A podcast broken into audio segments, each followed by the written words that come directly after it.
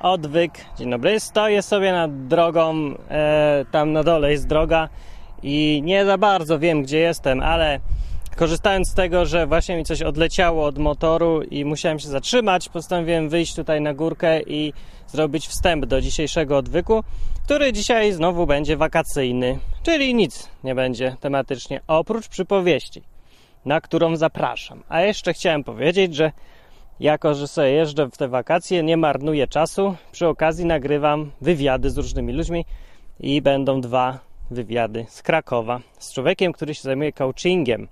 I z rozmowy wyszła mi ciekawa taka e, no, spostrzeżenie, może teoria, która mówi, że Jezus był coachem. I to, to jest bardzo dobry opis tego, kim był Jezus. Takim stuprocentowym wzorem coachingu.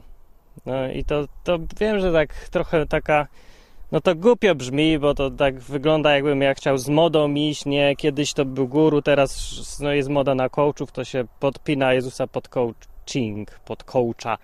W ogóle co to za słowo coach? Couch, nie wiem.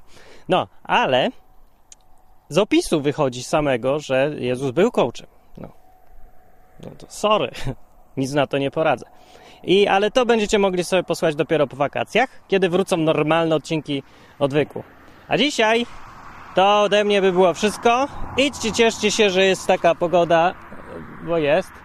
Z słońcem, latem, e, e, czym jeszcze? Jedzeniem, trawą.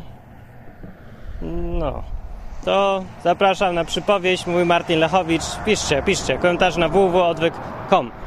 Ale wakacje są ciągle wieczorodwykowe, na żywo.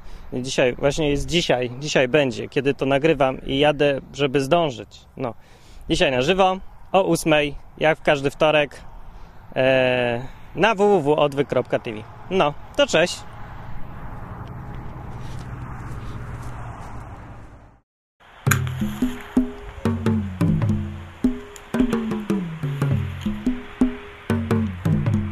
Podobne jest Królestwo Niebios do dwóch sióstr, które chciały zostać modelkami.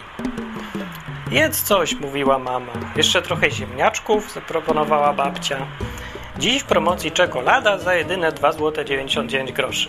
Krzyczała pani przez głośniki w hipermarkecie.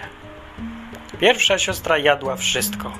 Była posłuszna mamie, nie chciała urazić babci i nie skorzystała z kursu asertywności, który jej zafundował tata ale że bardzo chciała być modelką, chodziła ciągle do ubikacji, żeby wszystko wyżygać.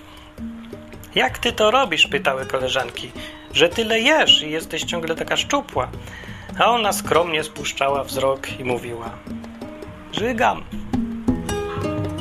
Druga siostra nie słuchała mamy, nie odwiedzała babci i nie dość, że nauczyła się, jak być asertywną na kursie, który zafundował jej tata, to jeszcze namówiła go na kursy marketingu i skutecznej sprzedaży.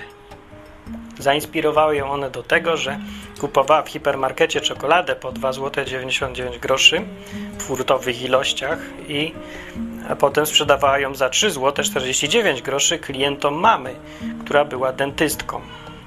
No, odkryła owa siostra, że klienci po znieczuleniu mają niską odporność na działania marketingowe. Jak ty to robisz? interesowały się koleżanki, że jesteś ciągle taka szczupła. A ona wyzywająco podnosiła głowę i mówiła: Nie żrę tyle co wy. Mijały miesiące i drogi sióstr się rozeszły. Ale obie dostały wymarzoną pracę i obie zrobiły karierę jako modelki. Albowiem w ostatecznym rozrachunku liczy się nie to, ile się musisz w życiu narzygać, lecz to, jak bardzo chcesz zostać modelką.